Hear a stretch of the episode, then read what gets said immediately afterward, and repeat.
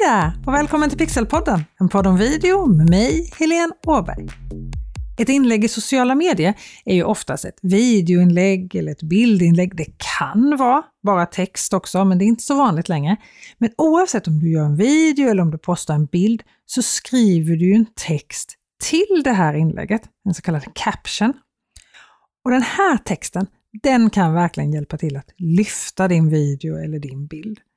Den första gästen som var med här i Pixelpodden, en podd om video någonsin, det var min underbara vän Lena Zetterberg Björk som är copywriter på företaget True Copy. Lena har jobbat för företag som ICA-banken, Nordnet, Företagarna, för att nämna några av alla uppdragsgivare hon har haft.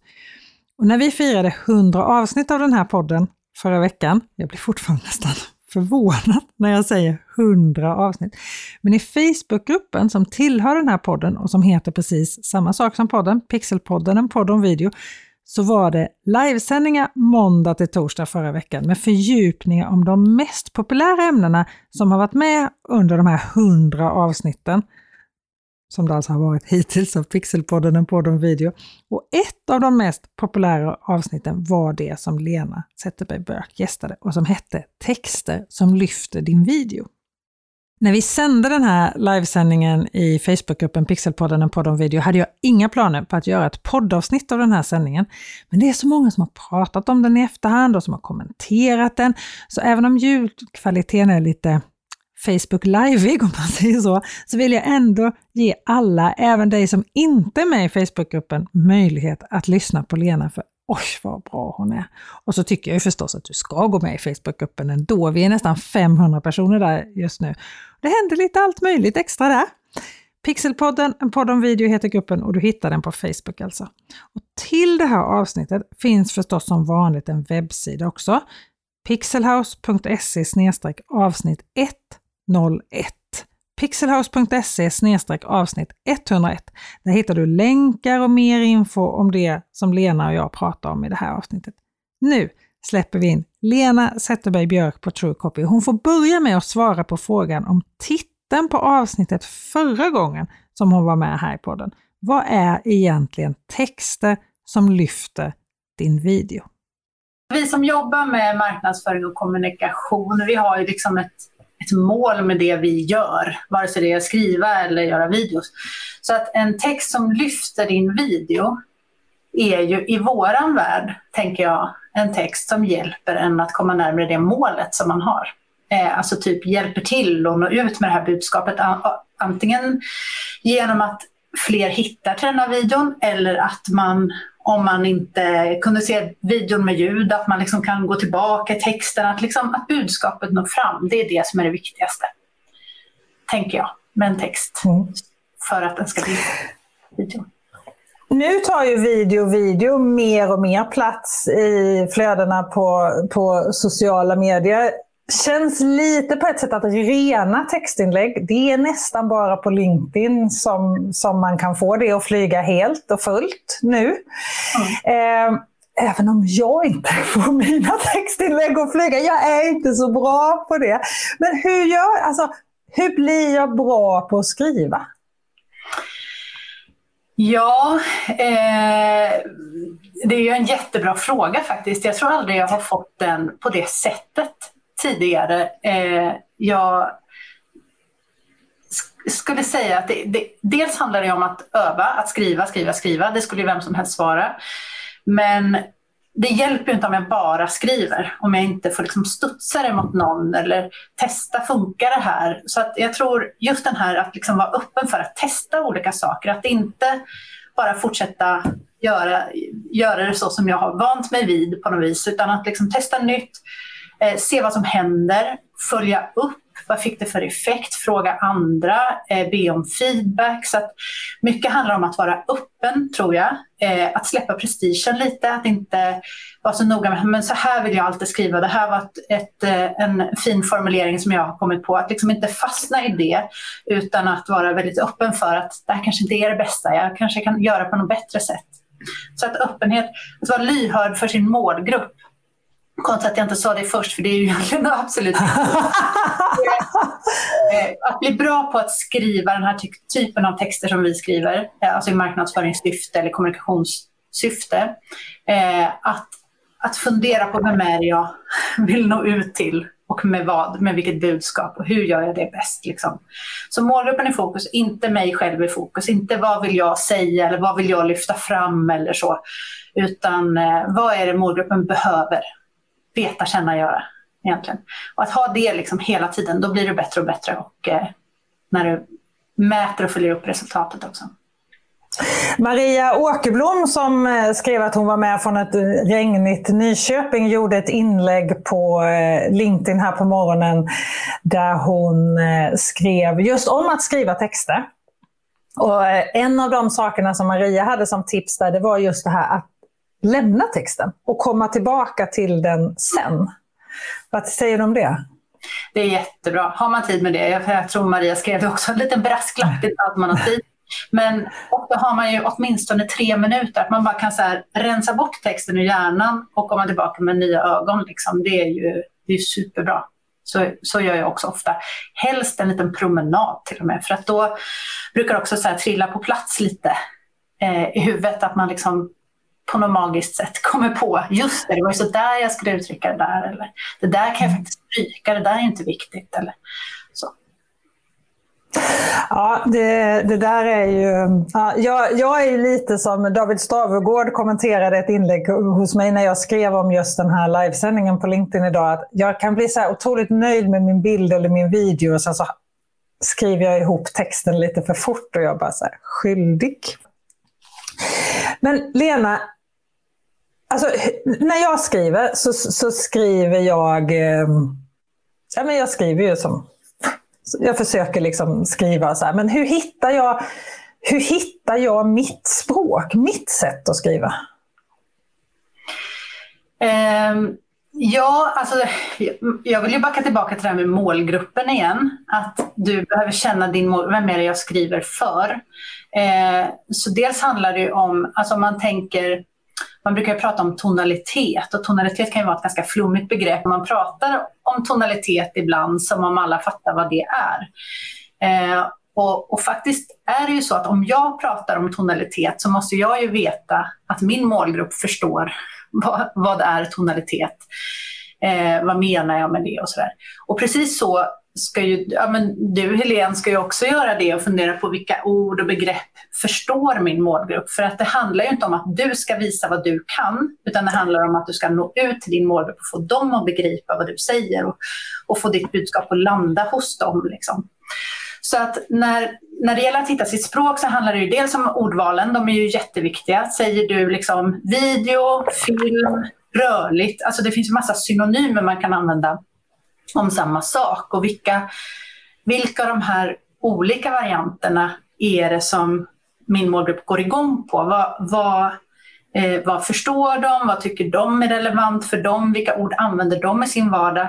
Men sen det, kan det också handla om att du vill skapa en känsla för vem du är. Hur är ditt varumärke unikt jämfört med, med konkurrenter till exempel? Och då behöver du också fundera lite på det när du väljer ord, att de ska associera, alltså målgruppen ska associera de orden med det som du faktiskt står för. Vare sig det, liksom, det kan ju vara att ja, men jag är en väldigt eh, lugn person, jag vill att det ska framgå i mina texter. Eller någon annan som bara, men jag, har, jag är så positiv och jag har massvis med energi, jag vill att det ska framgå i mina texter. Så det kan man ju också fundera på när man väljer sina ord. Och samma sak med meningsbyggnaden, hur man sätter ihop de där orden sen. Eh, för det normala är liksom, det, det bästa är ju om man bara skriver så enkelt och rakt som man kan, för det är så man når fram med sitt budskap allra, allra bäst. Men vill man addera lite, lite känsla så kan man ju antingen så här, ha väldigt korta, stilistiska, raka meningar. Och det skapar ju en viss känsla liksom, av det här stilrena, raka, effektiva. Liksom. Eh, och vill man vara lite mer lekfull och poetisk och få fram den här glada och varma energin till exempel så kanske man vill lägga till lite fler ord och vara lite mer pratig liksom, i, i sin meningsbyggnad. Så det är de två, orden och meningsbyggnaden. Jag, jag intervjuade ju Eva Berggren här i podden för ett par avsnitt sedan, en av deltagarna på min eh, webbutbildning, kommunicera med video och sociala medier, som har gått från att vara total teknik, eh, ha teknikskräck till att göra videos som ses av 60 000 personer. Och när vi pratade inför att hon var med i podden så sa hon så här, men det är så roligt med dig för du har verkligen hittat din tonalitet och du känns, du har det här lite pratigare språket och lite mer äkta. Jag var, jag var så stoppad, så jag har en tonalitet. Jag, var så, jag höll på att ringa dig då Lena, jag så, jag har en tonalitet! men jag visste knappt att jag hade en. Så här, men om du ska sammanfatta det du har sagt här nu, så här, vad är en bra tonalitet? Vad är det som, som är bra för mig och vad är bra för dig? Vad är liksom en bra tonalitet för var och en? Så?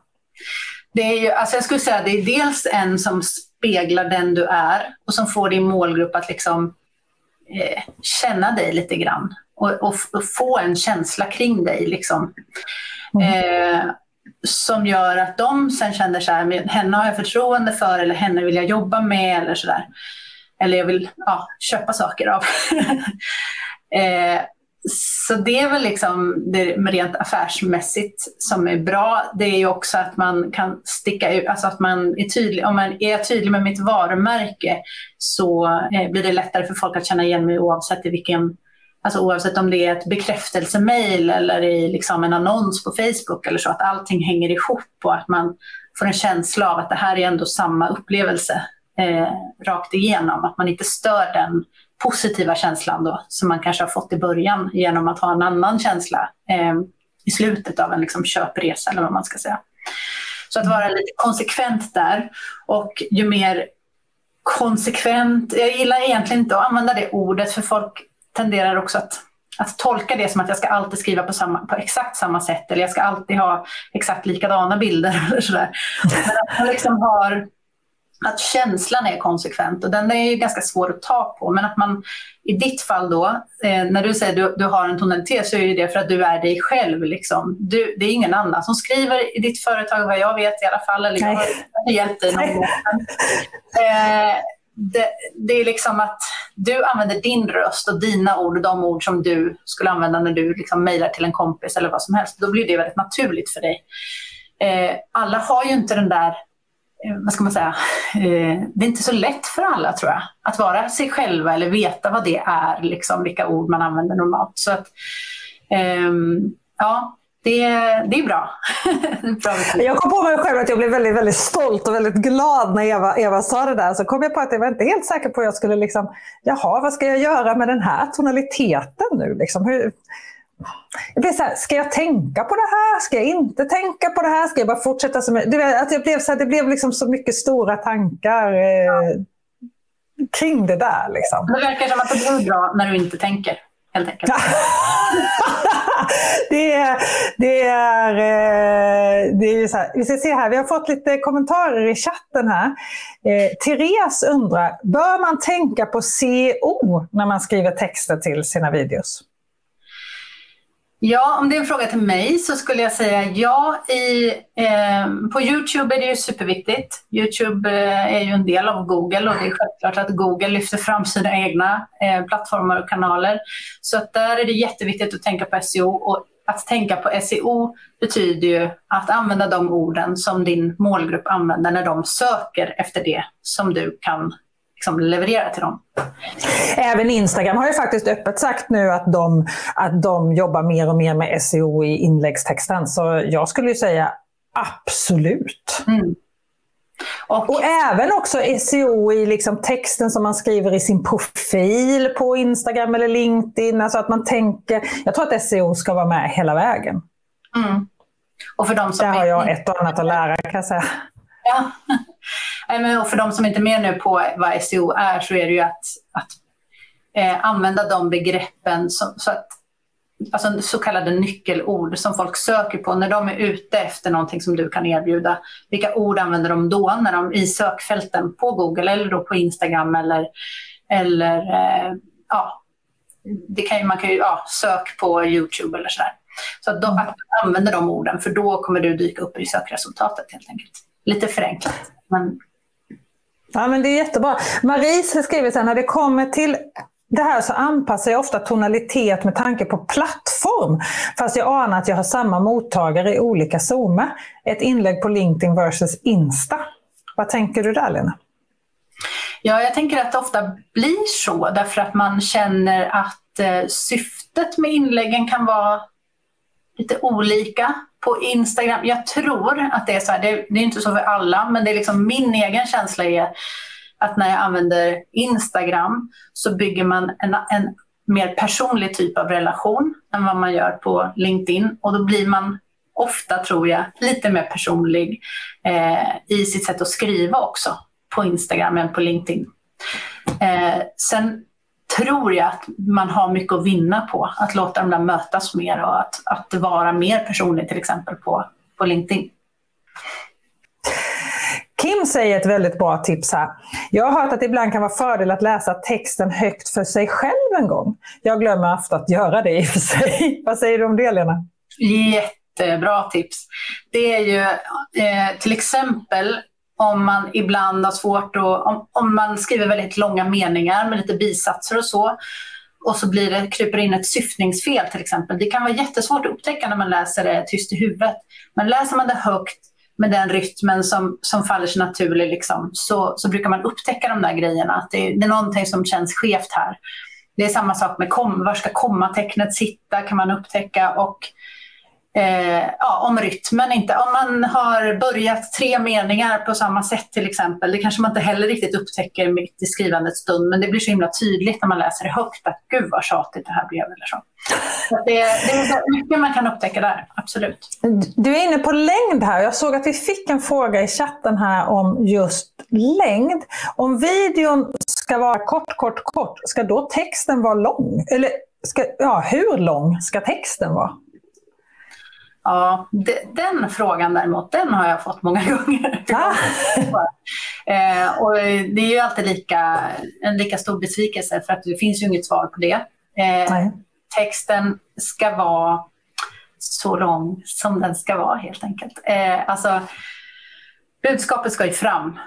Målgruppen ska begripa. Eh, det är liksom prio ett. Har du en väldigt lång text, då krävs det ganska mycket av din läsare och det krävs ganska mycket av din text för att läsaren ska liksom hänga sig kvar och verkligen om, om det är viktigt att läsaren hänger sig kvar och läser hela texten, då behöver du ha liksom en story i stort sett. Alltså du behöver ha någonting som griper tag och engagerar. Då kan man läsa en lång text. Eller säga att du är ute efter en, en specifik eh, dator Eh, då kan man läsa en ganska, på en ganska lång sida liksom, för att hitta alla de där, ja men det är det här jag är ute efter, det är det här jag vill ha. När man är väldigt eh, engagerad i någonting så kan man läsa en lång text. Men om det handlar om att du ska försöka nå ut med ett budskap som målgruppen liksom inte har eh, eh bett om, eller vad man ska säga, då lönar det sig att åtminstone låta budskapet, det viktigaste budskapet, eh, komma fram väldigt tidigt i texten. För då gör det inte så mycket om de inte läser resten. En annan grej med lång text... Lite som, det är lite som journalistik, börja med det bästa för de kan korta på slutet och sen lägger ihop det i tidningen. Liksom. Mm. Och, och, ofta tänker vi tvärtom, för att vi läser så mycket böcker och ser så mycket filmer, och då kommer ju poängen på slutet. Men mm eh, när vi jobbar med marknadsföring, det är inte underhållning. Liksom. Det är inte att Nej. hålla kvar folk så länge som möjligt. Tvärtom. Du vill att folk ska agera så snabbt som möjligt. Så det är ju bara bra om de kan agera eller förstå vad du vill säga eh, utan att läsa hela din text. Mm. Eh, och är den lång, om du behöver ha liksom mycket, ha, gör den luftig. För en lång och kompakt text tenderar man att inte vilja börja läsa ens en gång för att det känns som en jättestor investering i tid och energi och så här, jag orkar inte. Men ser den lite luftig ut, lite punktlistor, lite emojis här och där om det är till exempel på Instagram eller, eller LinkedIn. Då blir det mycket, mycket lättare att och bita tag i texten. Och sen... Alltså när det inte blir den här väggen man springer in i som är en hel textvägg. Men just när vi pratar om, om det här förhållandet mellan liksom text och video, hur, om videon ska vara kort, hur ska texten vara då? Så här. Om jag ska skriva en text till en video, säger vi så här, jag har gjort en video med tips om hur du redigerar, säger vi. Hur ska jag tänka när jag skriver texten till det här inlägget? Här är tre tips om hur du redigerar, säger vi. Hur ska jag tänka när jag skriver texten till det här inlägget då? Eh, ja, är det ett Instagram-inlägg du tänker eller tänker du liksom hur den ska se ut i olika kanaler? Ja, jag tänkte, ja, det är en bra fråga. Tell me! det hänger mycket på det. Är, säger, du, säger vi att den ska ligga på Youtube till exempel, då är vi inne på det här med SEO. Folk måste kunna hitta dit. De som vill lära sig att redigera, vad sa du, på tre minuter? Eller vad sa du? Nej, jag sa tre, nu hittade jag bara på någonting. Jag tror jag sa så här, tre tips på hur du redigerar snabbare eller någonting sånt där. De som vill ha liksom snabba, effektiva tips, de kanske sitter och försöker redigera just nu men kommer inte framåt. Då vill ju de eh, snabbt hitta den här texten och då ska det ju vara konkret och visa just det där som du säger. Det här är tre tips, det går snabbt, liksom. det här kan du konsumera snabbt och du kommer snabbt komma igång. Liksom. Det ska ju stå i rubriken och eh, i caption också då på Youtube så att man fattar att men här har jag svaret. Trycker jag play här så kommer jag få hjälp. Eh, på Instagram, där är det ju lite så här, ofta så bör, sätter ju filmen igång innan man har läst texten. Ofta är det ju så att man kanske ser videon innan man har läst texten eller så väljer man att inte se videon för att nej, men jag har inte tid med det just nu. Eller man vill liksom scrolla vidare. Man ser väl alltid videon? Jag. Jag vet vad du menar. Ja, och då är det ju bra att, liksom, att man också fångar in, så att man liksom får ut samma budskap i texten som i videon, fast kanske inte på exakt samma sätt, utan man, man liksom paketerar sitt budskap även i text. Så att, man, så att det inte spelar någon roll om man tittar på videon eller läser texten. Och jag menar, det är målet du har för ögonen, inte jag måste få så många som möjligt att se min video. Det ska inte bara vara massa så här, eh, pekfinger-emojis och titta på min video, då blir det lite eh, då gör det det inte så lätt för din målgrupp att ta till sig ditt budskap helt enkelt. Utan, Nej, och du sumpar ju, du, jag tänker att du sumpar en chans att uh, använda den här, text, mm. den här textytan och den här möjligheten som du har med, med texten. Ja. Sen finns det ju liksom, eh, vi har ju pratat tidigare om det här med Reels och TikTok och funderat på vad har texten för funktion där och där kanske man har kommit fram till att kanske inte har så stor funktion. Det kanske, det kanske inte är någon eh, som läser en text på TikTok eller, eller reels på Instagram. Så att, eh, där tänker jag att där kanske det inte är lika viktigt att man, att man når ut eh, även i text, för det är så tydligt, det är video man konsumerar där. Liksom. Så att där är det väl i så fall viktigt att ha med, är det någon text man vill ha med, att man har med den i eh, videon i så fall. Alltså det är väldigt eh, plattformsberoende kan man säga. Men om du, om du ska sammanfatta, för det här tycker jag är, är intressant. Så här, det här med hur texten skiljer sig. Om du ska sammanfatta, du var inne lite på det. Så här, om jag läser den före jag ser videon, om jag är på en plattform där jag läser texten först och sen ser videon, eller om jag är på en plattform där jag ser videon först och sen läser texten. Alltså, om du bara ska liksom ja, ja, sammanfatta det lite. Precis, jag tycker det där är lite svårt för man, ofta kan man ju inte, man kan inte veta heller vad folk konsumerar först egentligen. Men, jag tänker som på Youtube, där är ju rubriken på din video jätteviktig. För det, ja. den gör ju att du, att du... Där tittar man nog, de allra flesta på videon först och sen läser texten. På Instagram tittar nog de flesta på videon först och sen läser texten. På LinkedIn kan man nog nästan tänka tvärtom, tänker jag. Ja, Många gånger i alla fall. Ja, precis. Jag har funderat en del på det där och tänker att det är bra om man, om man själv analyserar sitt eget beteende och liksom ser hur gör jag? Och jag, jag vet att vi har pratat om det här förut och att liksom man tänker att på LinkedIn så läser man texten först och videon, tittar på videon sen för att videon ligger längre ner. Men det är inte säkert att alla har det beteendet. Liksom.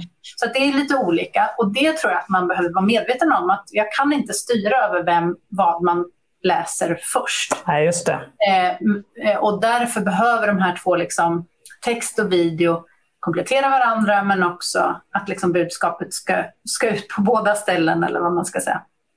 På olika, mm. olika sätt. Men när det gäller Youtube, där är ju rubriken, precis som du säger, är ju superviktig. Det är ju den som avgör om jag, om jag kommer titta eller inte. Och jag har inte gått till Youtube. Jag har inte klickat på en Youtube-länk i Google-resultatet eller eh, gått till Youtube för att läsa en text. Så att där tror jag att, att det stämmer att, att man tittar på videon och texten går man till om det är en fördjupning eller om det är någon, om man säger, pratar om någonting i videon som så här, Eh, som kanske var svårt att man behöver skriva ner, kanske någon webbadress eller titeln på en bok eller vad det kan vara. Då är det bra om det syns i texten sen så att man kan gå ner och, och titta på de sakerna. Och på Youtube har du ju faktiskt två olika rubriker att jobba med, för du har rubriken på själva videon, men sen har du ju den här tumnagelbilden och liksom, som också blir en rubrik. Och de två måste ju inte alltid vara precis samma. Många jobbar ju väldigt mycket mer med SEO på själva rubriken, alltså den skrivna rubriken, och på tumnagelbilden mycket mer med känslor som ska få dig att klicka på den där bilden. Ja, precis. För att då, den är, syftar ju också till att fånga in folk som kanske inte har googlat eller sökt eller vet att de, vad de är ute efter, utan bara sitter och slökollar kanske på Youtube. Så att mm. där, väcka den där känslan och, och igenkänningen och få folk att fastna. Jennifer skriver så här, tumnageln är så viktig för mig när jag väljer. Och alltså, eh, om man jobbar med Youtube, då är ju alltså, click-through-raten, alltså hur många som klickar på din tumnagel, det är ju någonting som du verkligen kan jobba med för att få mer spridning på dina Youtube-videos. du är inte ensam där, Jennifer. Eva skriver en lång fråga här. Jag krånglar just med några korta filmer som ska mark marknadsföra mina eh, IRL-föredrag, alltså i verkliga livet-föredrag.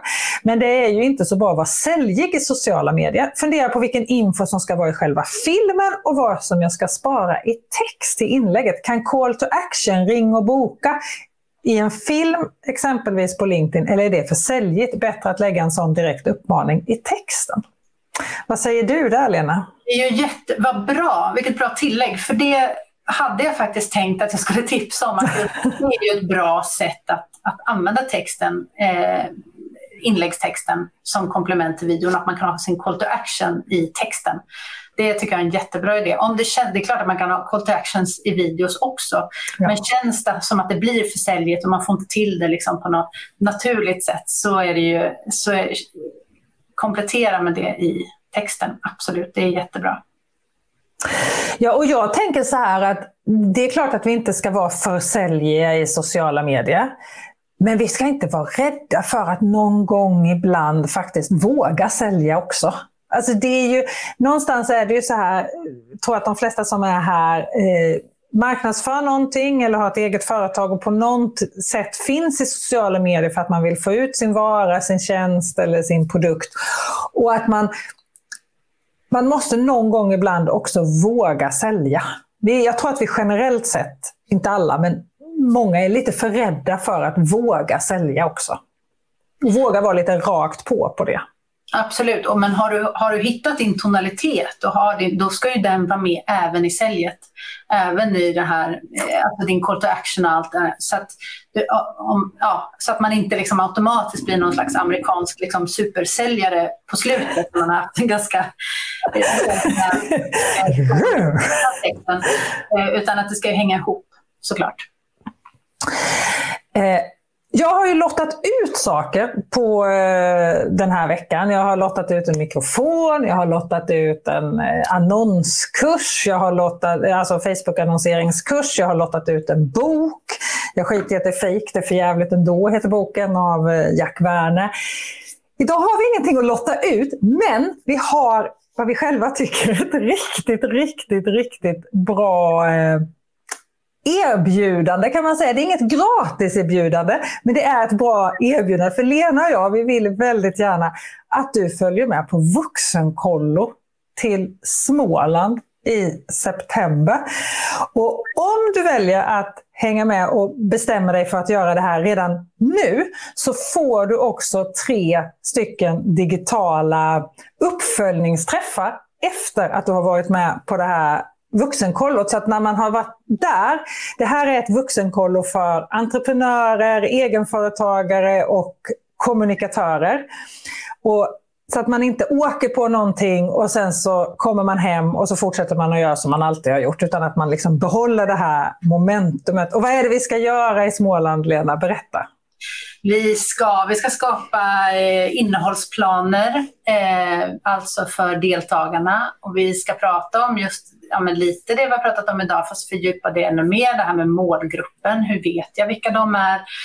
Eh, hur väcker jag känslor med text? Hur skriver jag bra rubriker? Och sen ska ju du eh, hjälpa dem att göra riktigt bra videor som boostar deras eh, deltagarnas sociala medier. Så det är det vi ska göra. Och sen kommer det ju vara, man kommer ju bo där tillsammans, vi kommer äta gott på kvällarna. Man, det ligger otroligt fint nere i Småland mellan två insjöar där man kan fiska och man kan paddla och ja, gå, gå runt, ta promenader i skogen, filma, fota, eh, skriva. Så det är det vi gör. Det här är en liten grupp, alltså det finns bara totalt 12 platser och det är redan folk som har bokat på sig. Så att tanken är ju att det här ska bli liksom en tight grupp och att man också får ett nätverk som man kan ha framöver och hjälpa varandra och att man verkligen ska få ut så mycket som möjligt, både med sin målgrupp, med sin innehållsplan, med sina texter och med sina videos framöver. Liksom. Och sen att man då följer upp det här efteråt om man bokar här nu direkt. Och vad kostar det här kalaset då? ja, det, alltså, då ingår ju allt nu då. 11 900 plus moms. Och då ingår eh, boendet, maten och då är det ju liksom frukost, lunch, middag, fika, frukt, allt det där. Um, och jag, jag, vet inte, vissa aktiviteter kanske kan kosta extra. Jag kommer inte ihåg det nu i, i huvudet. Men, och sen ja, men all kunskap som du får och det här ingår ju då i 11 900 plus moms. Och sen är det ju de där tre uppföljningsträffarna då. Men då behöver du eh, anmäla dig ganska snart. Vuxenkollo, bit.ly snedstreck vuxenkollo. Det ska bli så otroligt roligt att få göra det här och jag ser så mycket fram emot att eh, att få göra det här. För att jag tror så mycket. Dels är det så otroligt roligt att få träffa eh, träffas igen, att vi får samlas, att vi får träffas. Och så, precis som du sa, ligger ju det här, vi har hela gårdshotellet för oss själva. Och det finns bara 12 rum på gårdshotellet, så att det finns bara 12 platser. Och sen att att man liksom äter tillsammans, man jobbar. Det kommer ju inte vara någon picknick. Alltså det, vi åker ju hit för att jobba. Det är ju, det är ju tanken det kommer ju vara ganska intensivt. Man kommer på onsdag eftermiddag och åker hem fredag eftermiddag. Och eh, någonting säger mig att man kommer somna gott på kvällen på fredag när man kommer hem. Och man kommer ha med sig massvis med saker, både färdiga saker liksom, eh, men också förhoppningsvis lite inspiration från både oss och från andra deltagare och så där, så att man har lite bättre koll på hur, jag, hur man ska, vilket innehåll man ska göra framöver och hur. Det låter så roligt med kollo. Wow, vilket bra erbjudande. Wow, vad innebär kollot? Kan jag läsa mer? Det låter underbart. Det här låter jättekul. Hur många dagar? Ja, det blir ju från onsdag eftermiddag klockan tre till fredag eftermiddag klockan fyra. Så att två och en halv dag kan vi säga, för att vi kommer jobba även på onsdag kvällen, om man säger när man kommer där, så kommer vi jobba. Och så kommer vi äta gott och Ödevata gårdshotell som eh, är platsen för det här jobbar väldigt mycket med eh, hållbarhet och eh, eh bra, liksom, mm, vad ska man säga, bra mat, alltså hållbar mat och hållbart boende och sådär. Och det är som sagt fantastisk plats. Man kan paddla och basta och prata och hänga och ta promenader. Och, och så finns det ett jättemysigt orangeri. Och, ja, det är fantastiskt. Vad kul med vuxenkoll och mötas och kunskapsinspirerande. Ja, men det är precis det här. Det kommer vara föreläsningar, det kommer vara jobb att göra, det kommer vara arbeten och övningar att göra och sen just det här att man får liksom träffas. Jag tror jättemycket på det här och det känns så kul att få göra det här. Så känns det väldigt roligt att få göra det här tillsammans med dig, Lena.